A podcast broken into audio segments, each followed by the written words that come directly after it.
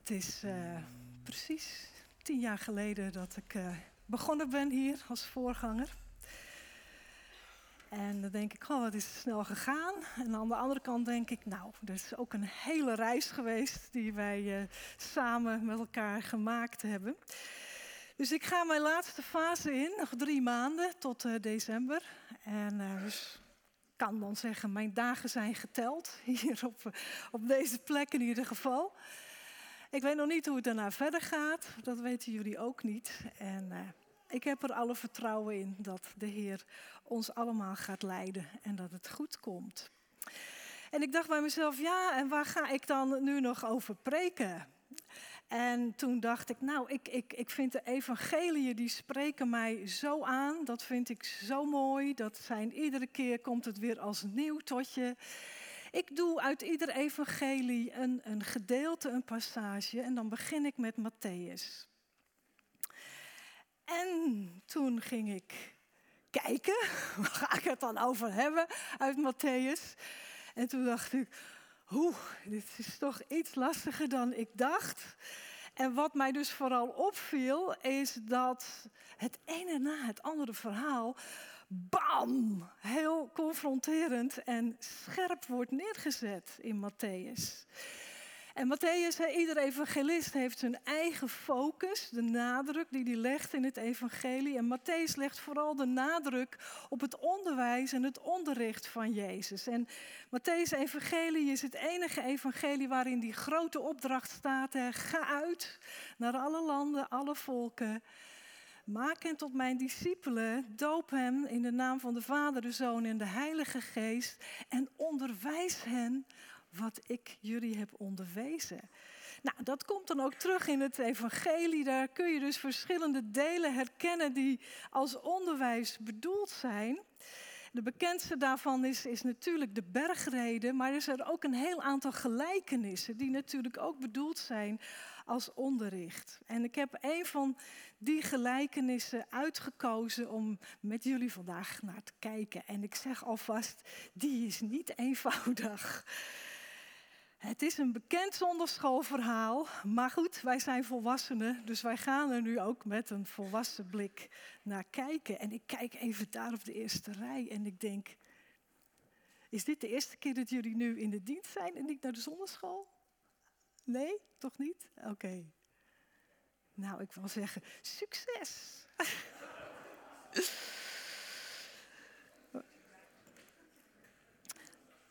voordat ik uh, die, die uh, gelijkenis ga lezen, even de context. Want dat is toch wel echt heel belangrijk dat we goed kijken van waar plaatst Matthäus nou dit verhaal.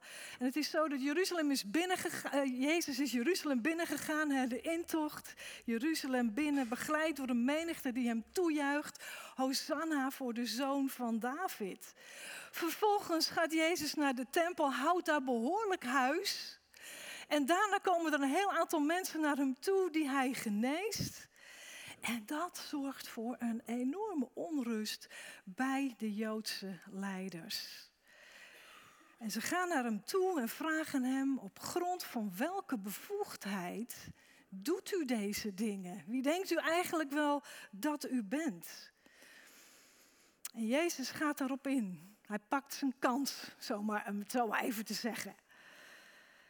En hij vertelt ze onder andere de gelijkenis van de wijngaard. Die is denk ik ook bekend. Hè? De wijngaard, de landheer die de wijngaard verpacht.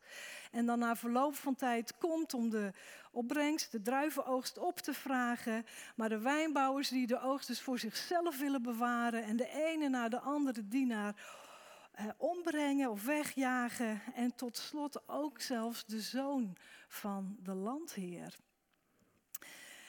En dan zegt Jezus tegen de Joodse leiders, het is aan hen gericht, dus dat is even wel heel belangrijk voor ons om dat in gedachten te houden.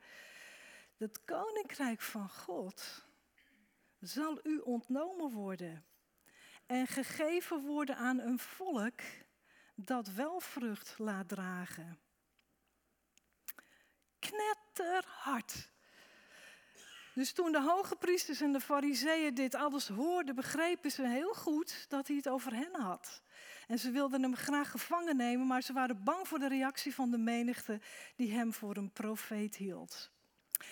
En dat ziet Jezus als een kans om nog eens een gelijkenis over ze uit te storten.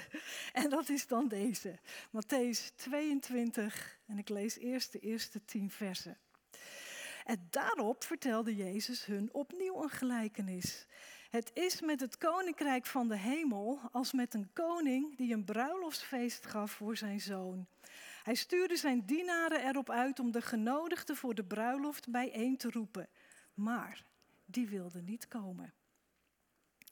Daarna stuurde hij andere dienaren op pad met de opdracht: zeg tegen de genodigden: Ik heb het feestmaal bereid, ik heb mijn stieren en het mestvee laten slachten, alles staat klaar. Kom dus naar de bruiloft. Maar ze negeerden hen en vertrokken. De een naar zijn akker, de ander naar zijn handel. En de overigen namen zijn dienaren gevangen, mishandelden en doden hen. De koning ontstak in woede en stuurde zijn troepen erop af. En hij liet de moordenaars ombrengen en hun stad in brand steken. En vervolgens zei hij tegen zijn dienaren: Alles staat klaar voor het bruiloftsfeest. Maar de genodigden die waren het niet waard. Ga daarom naar de toegangswegen van de stad en nodig voor de bruiloft iedereen uit die je tegenkomt. De dienaren gingen de straat op en brachten alle mensen die ze tegenkwamen bijeen, zowel goede als slechte. En de bruiloftszaal vulde zich met gasten voor de maaltijd. Ik heb dit plaatje uitgezocht. Ik denk, nou, dat ziet er voor mij wel uit als een, als een hemelse bruiloftszaal maaltijd. Jezus neemt een situatie uit het dagelijkse leven en hij neemt het dan als voorbeeld voor het koninkrijk van de hemel.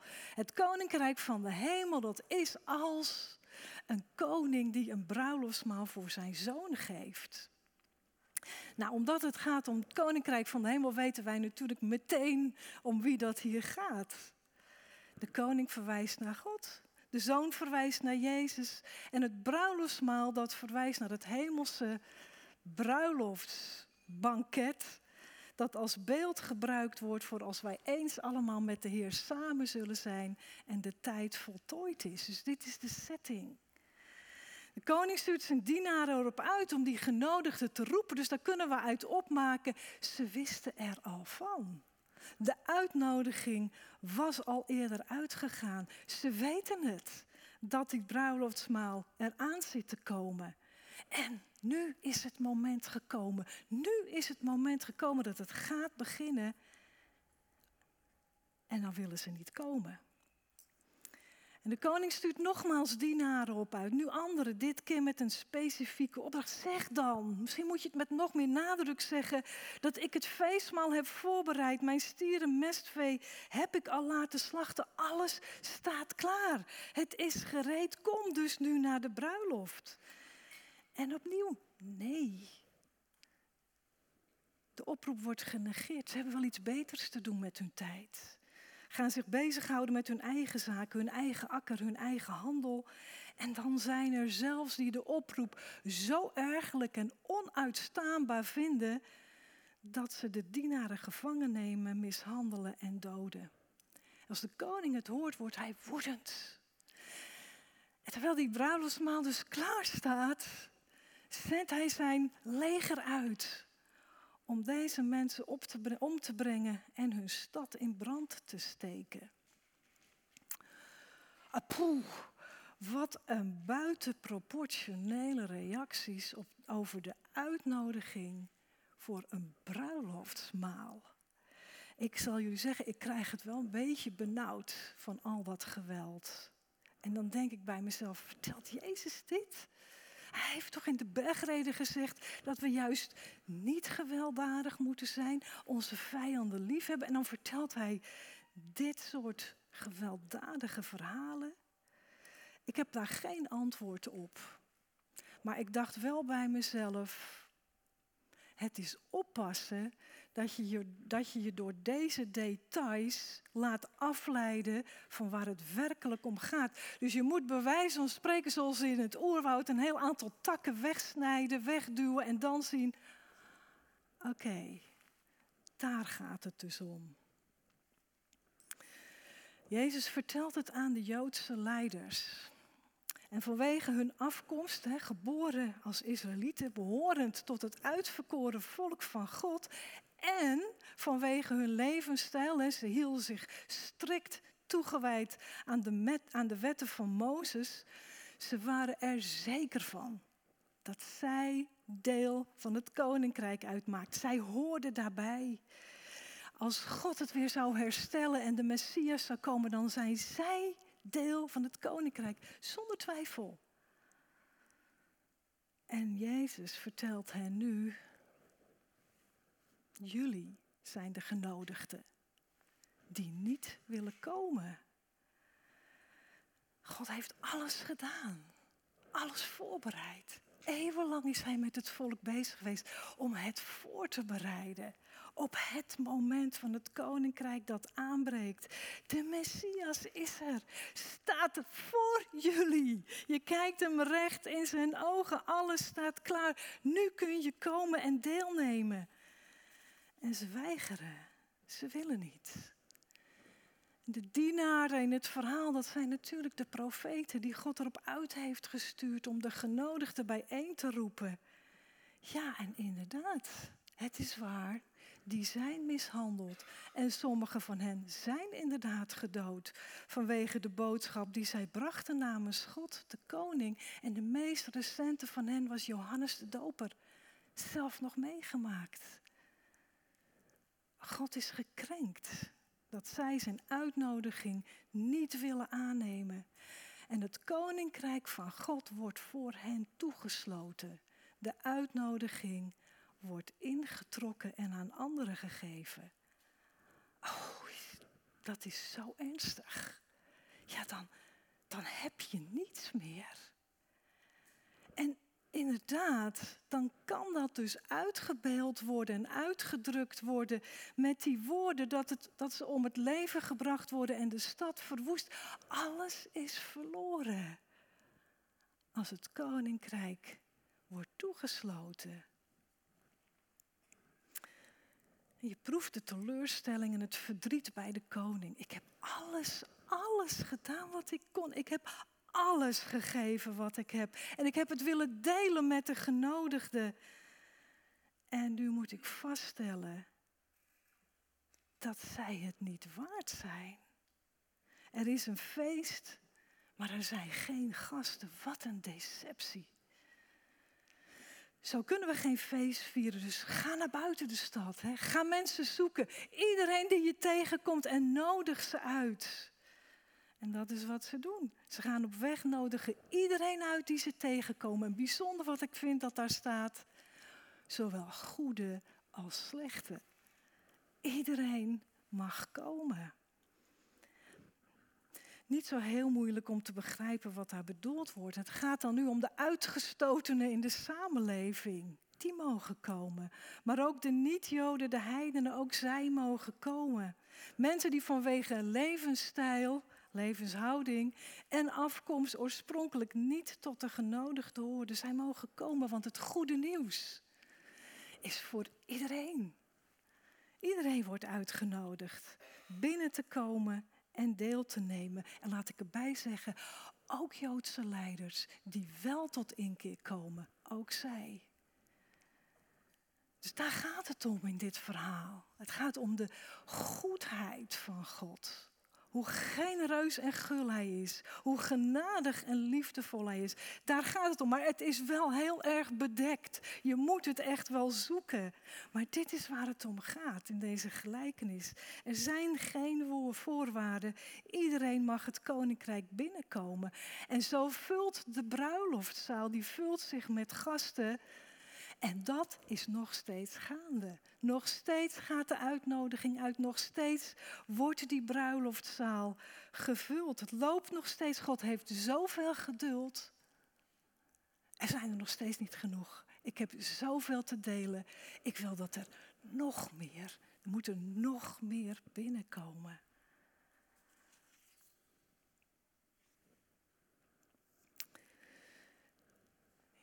Joodse leiders begrepen heel goed dat dit over hen ging.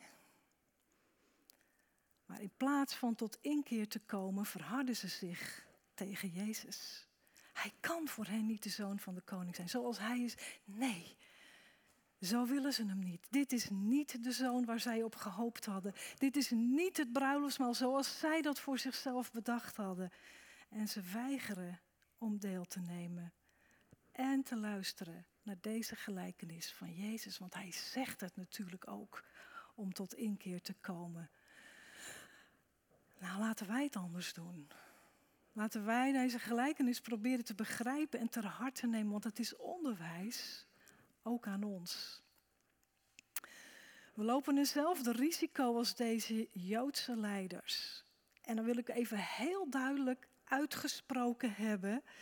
Niet dat onze plaats in het koninkrijk ons wordt ontzegd. Want een ieder die gelooft dat Jezus de Zoon van God is en zichzelf voor ons heeft gegeven aan het kruis, die is met God verzoend en die heeft deel aan het koninkrijk. Daarvan zijn we verzekerd. Dus dat wil ik even heel duidelijk tegen iedereen gezegd hebben.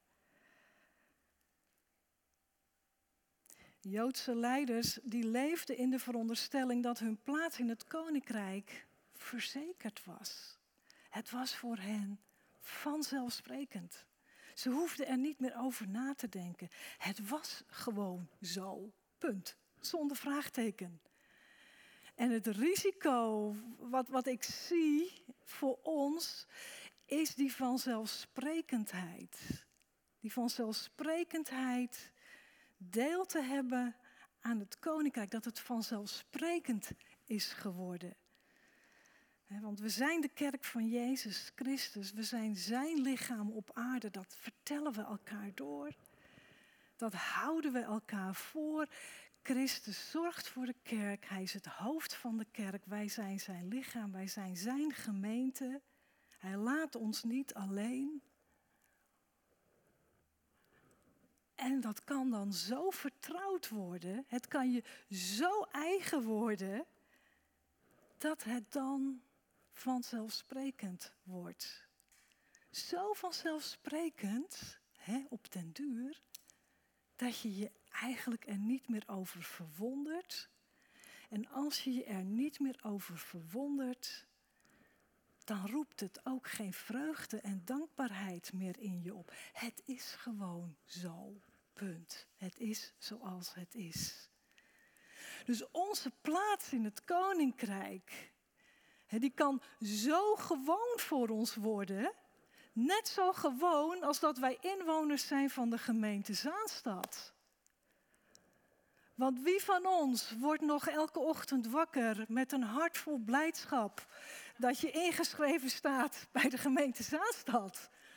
Of is er iemand die, die dat wel zo beleeft? Of is er misschien iemand die zegt, nou ik word wakker, ben blij dat ik het niet sta ingeschreven.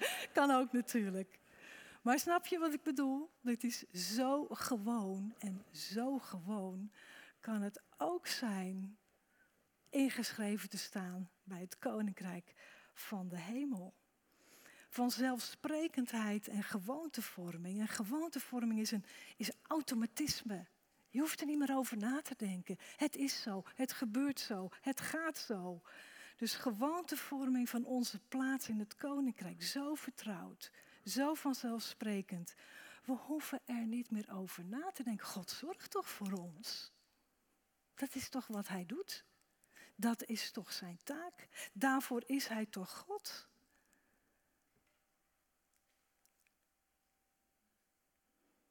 Groot risico voor de kerk vandaag. En ik geloof en ik ben ervan overtuigd dat dit een van de dingen is waar we mee te maken hebben. Niet, niet alleen hierom, maar ik bedoel de, de kerk hè, in, het, in het Westen. Dat dit ons opspeelt. En dat lauwheid, als het gaat om lauw worden, dat het hiermee te maken heeft. Dat de kerk sleur is geworden. Dat klinkt echt verschrikkelijk. Maar laten we even heel eerlijk zijn. Dat zijn wel de geluiden die we nu horen. Dat de kerk sleur is geworden. Dat heeft ermee te maken, twee dingen. Goed, ik zie twee dingen. Eén is dat we te weinig zicht hebben op de mate van onze eigen gebrokenheid. Te weinig zicht op de mate waarin wij als mensen, ieder van ons, in gebrokenheid leeft. Als daar het zicht op verdwijnt, dan weet je niet meer precies waarom je in de kerk bent. En het andere is te weinig of beperkt zicht op de goedheid van God. De goedheid van God. Hoe groot, hoe ver dat reikt. Als daar, hè, die twee, als we daar te weinig zicht hebben, ja, dan wordt het sleur en dan wordt het lauwheid. Risico. En dat risico, precies dat risico, dat spreekt Jezus aan met deze gelijkenis. Het is een harde confrontatie, maar die is nodig om wakker geschud te worden. En de Joodse leiders zeggen, Jezus, dit mag je niet tegen ons zeggen. Dus het is nu aan ons om anders te reageren en te zeggen, Jezus, dit zijn confronterende woorden. Onderricht wat we liever niet horen, maar wij willen naar u luisteren. In het geloof dat u het zegt uit liefde voor ons, om alert te blijven. Om de goedheid van God nooit en te nimmer vanzelfsprekend en gewoon te vinden. En het, om het nooit en te nimmer vanzelfsprekend en gewoon te vinden dat wij een plaats in uw koninkrijk gekregen hebben en wij uw kerk mogen zijn. Dus help ons, Heer, te luisteren met een ontvankelijk hart en leer ons om uw weg te gaan.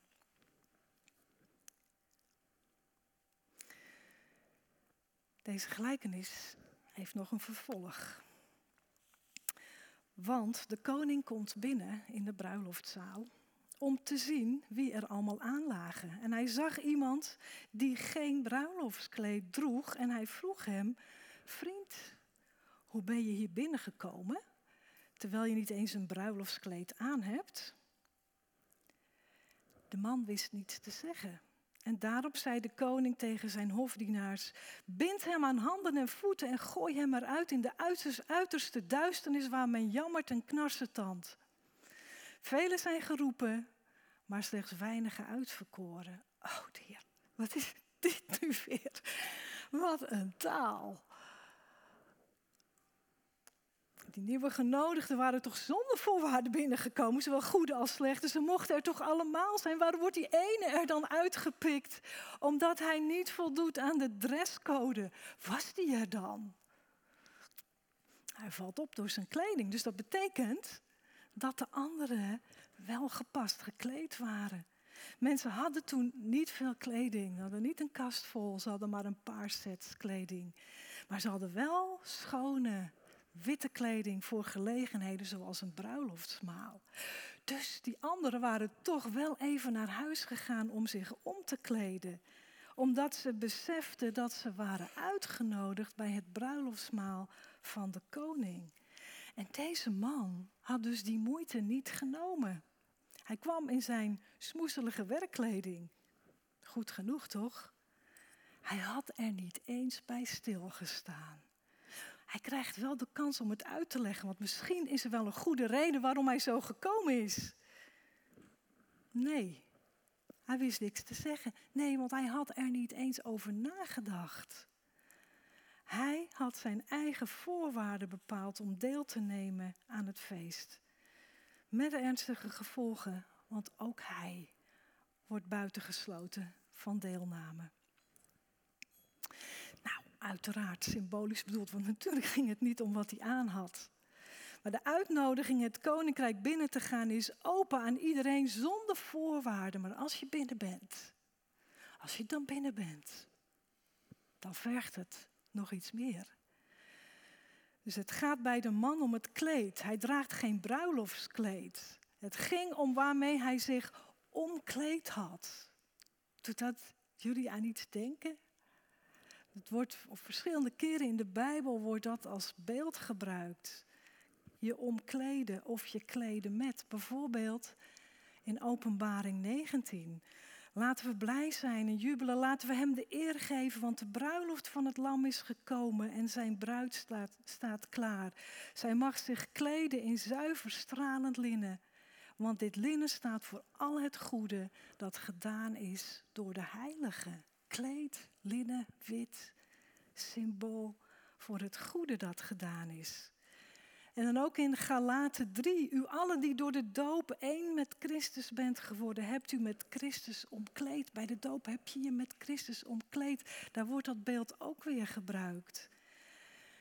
En dan in Colossense gaat het natuurlijk over de oude mens en de nieuwe mens. Nu u de oude mens en zijn leefwijze hebt afgelegd en de nieuwe hebt aangetrokken, die steeds vernieuwd wordt naar het beeld van zijn schepper en zo tot inzicht komt. Ook daar gaat het om wat je aantrekt, waarmee je je bekleedt. Omdat God u heeft uitgekozen, omdat u zijn heilige bent en hij u lief heeft, moet u zich kleden in innig medeleven. Dus het kleden, dit zijn de dingen waarmee je je moet kleden. Innig medeleven, goedheid, nederigheid, zachtmoedigheid en geduld. Verdraag elkaar en vergeef elkaar als iemand een ander iets te verwijten heeft. Want zoals de Heer u vergeven heeft, moet u ook elkaar vergeven. En bovenal, kleed u, opnieuw, kleed u in de liefde. Dat is de band die u tot een volmaakte eenheid maakt. Genodigd zijn en binnenkomen in het koninkrijk is het begin. Maar als je eenmaal binnen bent in het koninkrijk, kun je daar niet blijven zoals je was. Deelnemen vraagt een nieuwe manier van zijn, je omkleden met Christus. De nieuwe mens aantrekken. En het zijn de eigenschappen van Christus die we moeten aantrekken, waarmee we ons moeten omkleden. En dat gaat niet één keer, dat is een doorgaand vernieuwingsproces, zoals het ook staat in Colossense. Het is een doorgaand vernieuwingsproces, steeds weer vernieuwd worden naar het beeld van onze Schepper en steeds meer gaan lijken op Jezus. Bovenal. Ah, dat is de moeilijkste van allemaal bovenal je kleden in de liefde. De liefde voor de Heer, nou dat gaat. Maar de liefde voor elkaar, die is lastig. Dit wordt wel gevraagd als je binnen bent in het koninkrijk. En als je binnen wil blijven, dan wordt dit gevraagd. Dit is de dresscode.